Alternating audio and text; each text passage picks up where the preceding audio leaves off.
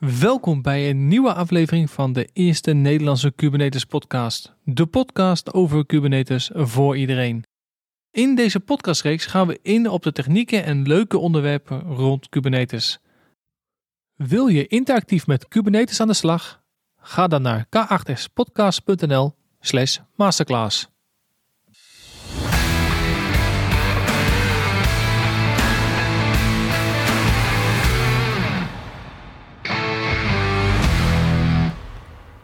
Ik ben Ronald Kes en met mij is natuurlijk Jan Stomporst. Hey, goedendag Ronald. Leuk om hier weer te zijn. Zeker leuk om hier uh, weer te zitten. En uh, hoe is het met jou? Waar gaan we het vandaag over hebben? Nou, ik wilde vandaag praten over Chill Vibes, de nieuwste update van Kubernetes. Zo Ronald, welkom bij onze eerste release bespreking.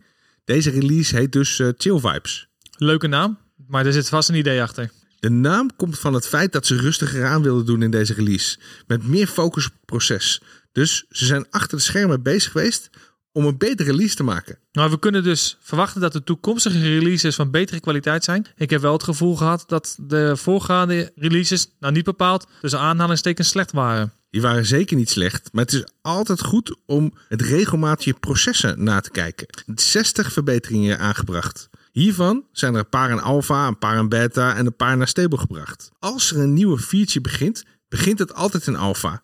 Hier kunnen we nog aan wennen en kijken of dit goed is. Hier kunnen nog grotere aanpassingen aan gedaan worden. Als het naar beta gaat, dan lijkt het een beetje op de eindsituatie. Maar dan, dan kunnen er nog kleine aanpassingen worden gemaakt. Maar als hij naar stable gaat, dan is hij goed bevonden en wordt hij ondersteund voor productie. Totdat het deprecated wordt natuurlijk. Hè?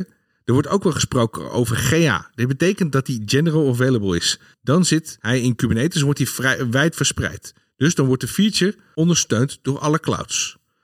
Als een feature deprecated wordt, dan duurt het een aantal versies voordat hij helemaal weg is. Verder rest hebben we nog feature gates.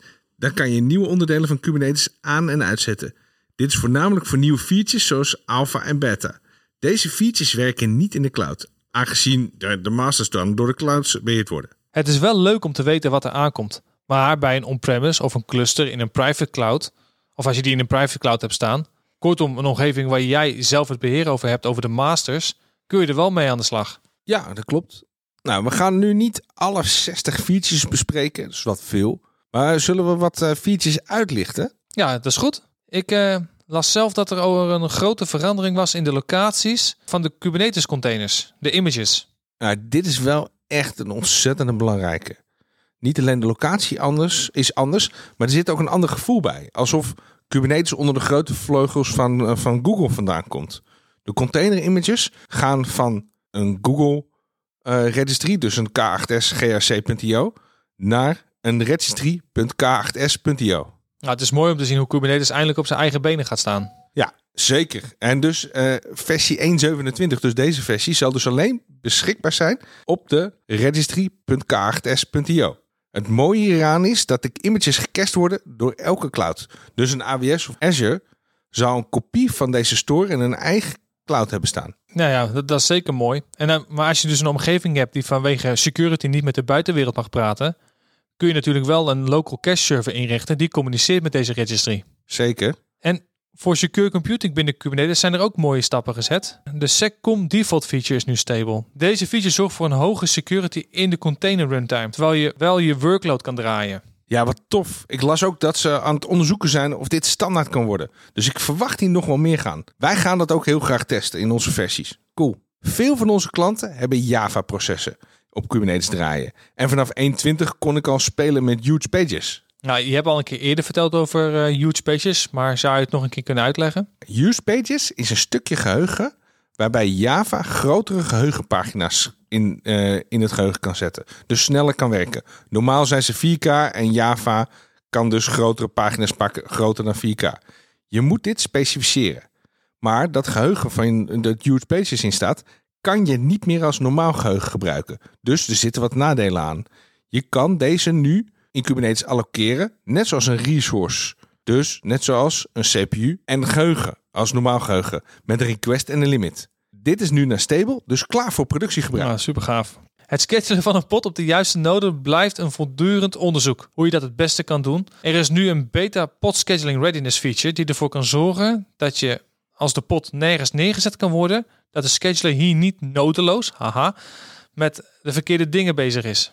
Je kan dus als een pot op een status staat waar de scheduler niks meer kan, bijvoorbeeld insufficient resources, dan blijft de scheduler dus niet nodeloos proberen de pot toch ergens neer te zetten. Ja, ik zie dat vaak op grotere en volle clusters. Dat het een uitdaging kan zijn dat de pot niet ergens kan starten.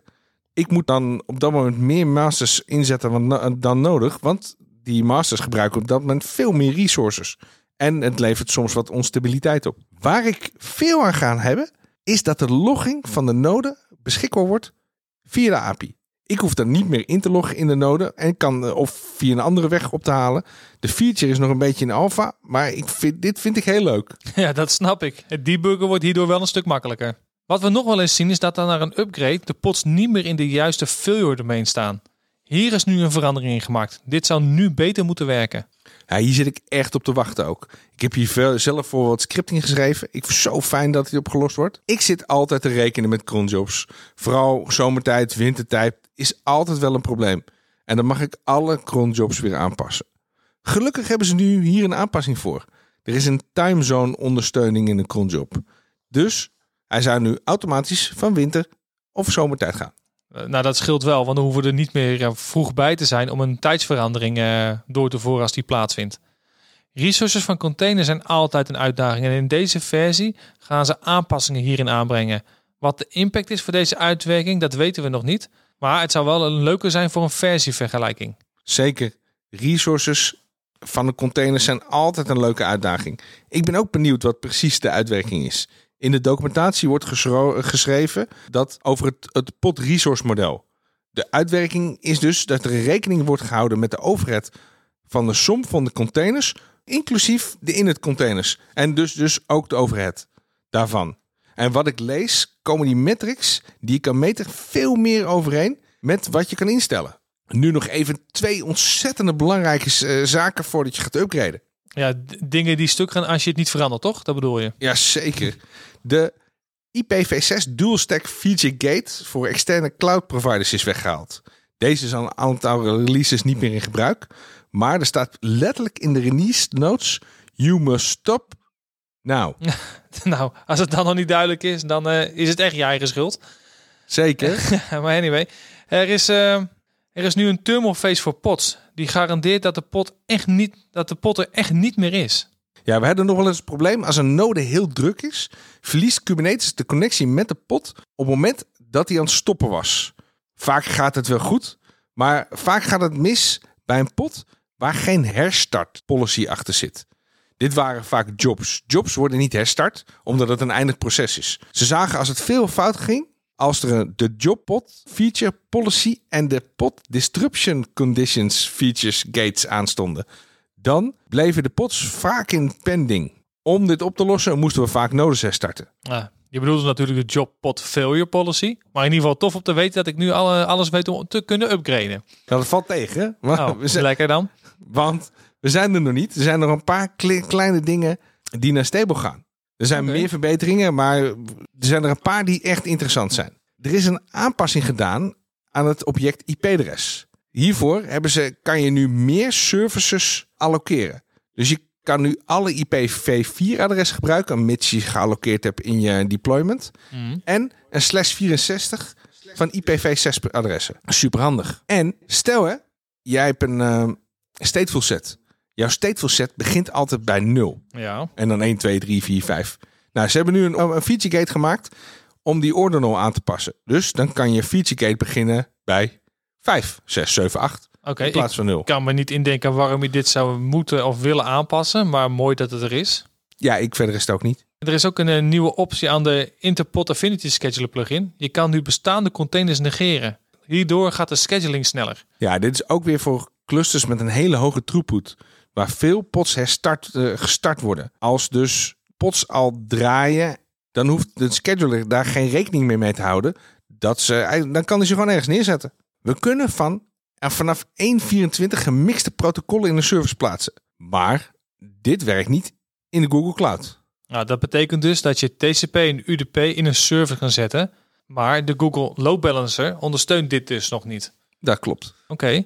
Het eh, pod disruption budget heeft een veld wat nu op default op always staat. Het is een spec unhealthy pod eviction policy. Dat is echt een hele mond vol. Dit zorgt ervoor dat de pods die niet gezond zijn, maar ook onder het pod disruption budget vallen, disruption budget vallen, wel evicted mogen worden. Ik vind dat, ze, dat we het nog een keer uitgebreid moeten hebben over hoe je dit nou het beste kan inzetten. Als laatste, één vermelding die ik wel heel fijn vind. Een, een type secret TLS. Daar stop je dus je certificaat in. Tegenwoordig gaat Kubernetes voor jou controleren of de key bij het certificaat past. Oké, cool. Nou, ik, ik kan begrijpen dat een correcte key en eh, als je een correcte key en certificaat hebt, dat het heel fijn is. Nou, mooi in ieder geval dat er een heleboel veranderingen zijn en weer genoeg eh, zaken om over na te denken. ACC ICT is specialist in IT-continuïteit. Bij ACC ICT staat alles in het teken van continuïteit waarborgen voor bedrijfkritische applicaties. Of het nu gaat over Managed OTAP, Cloud en Kubernetes, ze geven hier invulling aan om door samen met hun klanten een toekomstbestendige strategie uit te stippelen voor het gehele proces van ontwikkelen tot en met productie. Hey Ronald, ik had een vraag. Ga jij nog naar KubeCon? Ga ik nog naar KubeCon? Ik ga zeker naar KubeCon. Ga jij nog naar KubeCon? Nou, ik denk van wel. Nou ja, dat denk ik ook, ja. en uh, ik, ben ook, uh, ik heb er ook echt super veel zin in. Ik ben er nog nooit geweest, dus ik uh, laat me graag overweldigen door alle leuke mensen en uh, topics uh, die er zijn. Zijn er nog dingen waar jij toe naar uitkijkt als je er bent? Nou, ik heb even door de, um, door de scheduling gekeken. Er is zo ontzettend veel te doen en zoveel dat ik ik zie zoveel leuke dingen. Ik weet dat ik graag naar ik wil gateway API dingen wil ik heel graag zien. Ja. Ik wil eBPF wil ik heel graag nog wat meer over weten. En ja, alle leuke mensen die we tegenkomen, hoop ik. Uh, ik hoop gewoon een hoop leuke mensen te spreken. We hadden ja, precies. Uh, volgens mij nog wat afspraakjes staan wat mensen die we kunnen uh, interviewen. Of in ieder geval spreken, dat we eens in de toekomst interviewen. Dat vind ik heel leuk om even contact te maken met die mensen. Ja, nee, zeker cool. Ik ga, ben ook nog met mijn zoon naar de Kids Day geweest afgelopen zondag. Daar hebben ze verschillende workshops voor kinderen van als ik het goed zeg, van 8 tot 12 jaar. En dan is één onderdeel is bijvoorbeeld uh, Minecraft modding. Dus dan kunnen ze zelf een beetje aan de slag met speciale effecten of poppetjes creëren in Minecraft. Dus dat is wel super lachen. Ik ben wel benieuwd hoe ze Minecraft in Kubernetes draaien. Want het is natuurlijk wel een Minecraft is echt een single-threaded proces en is niet stateless. Nee, niet bepaald. Nee. Het is dus, vervelend voor je server. Dus dat wordt een, een zelf heb ik het namelijk wel in Kubernetes draaien. Ja, dat verbaast me niks. Vippy en Friends zijn er ook. Met een, uh, dat is van dat, die cartoon, weet je wel. Van, oh ja, uh, die, die is super cool. Ja, daar hebben ze ook een uh, topic voor. Dan gaan ze met een Raspberry Pi, moeten ze dan de kinderen wat doen. Moeten ze met sensoren, moeten ze een avontuur door. En dan hebben ze ook nog zelf games maken met Scratch.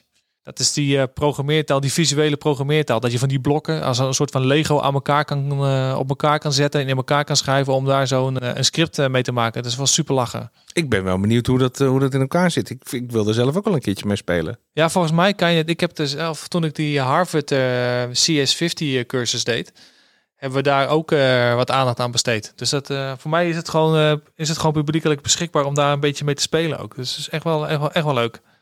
Dus ja, dat zijn mijn plannen een beetje. eh, En verder is er, wat ga je op de, op de, de, de dagen doen dat we in bij KubeCon zijn?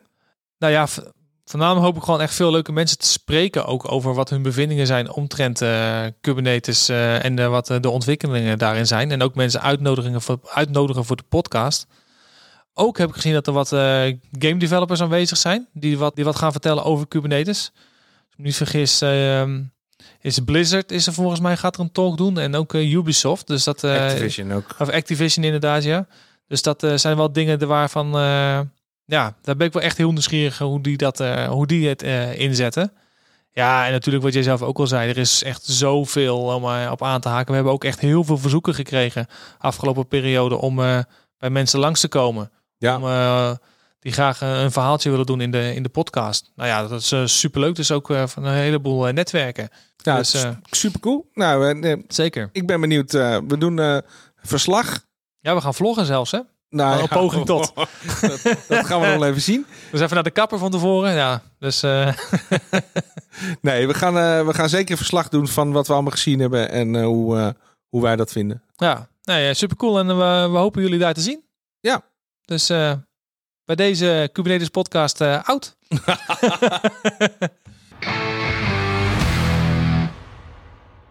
Deze podcast is een initiatief van ACC ICT en wij zijn te beluisteren op onze website k8spodcast.nl via Spotify, Apple, Google Podcast en alle andere favoriete podcastproviders.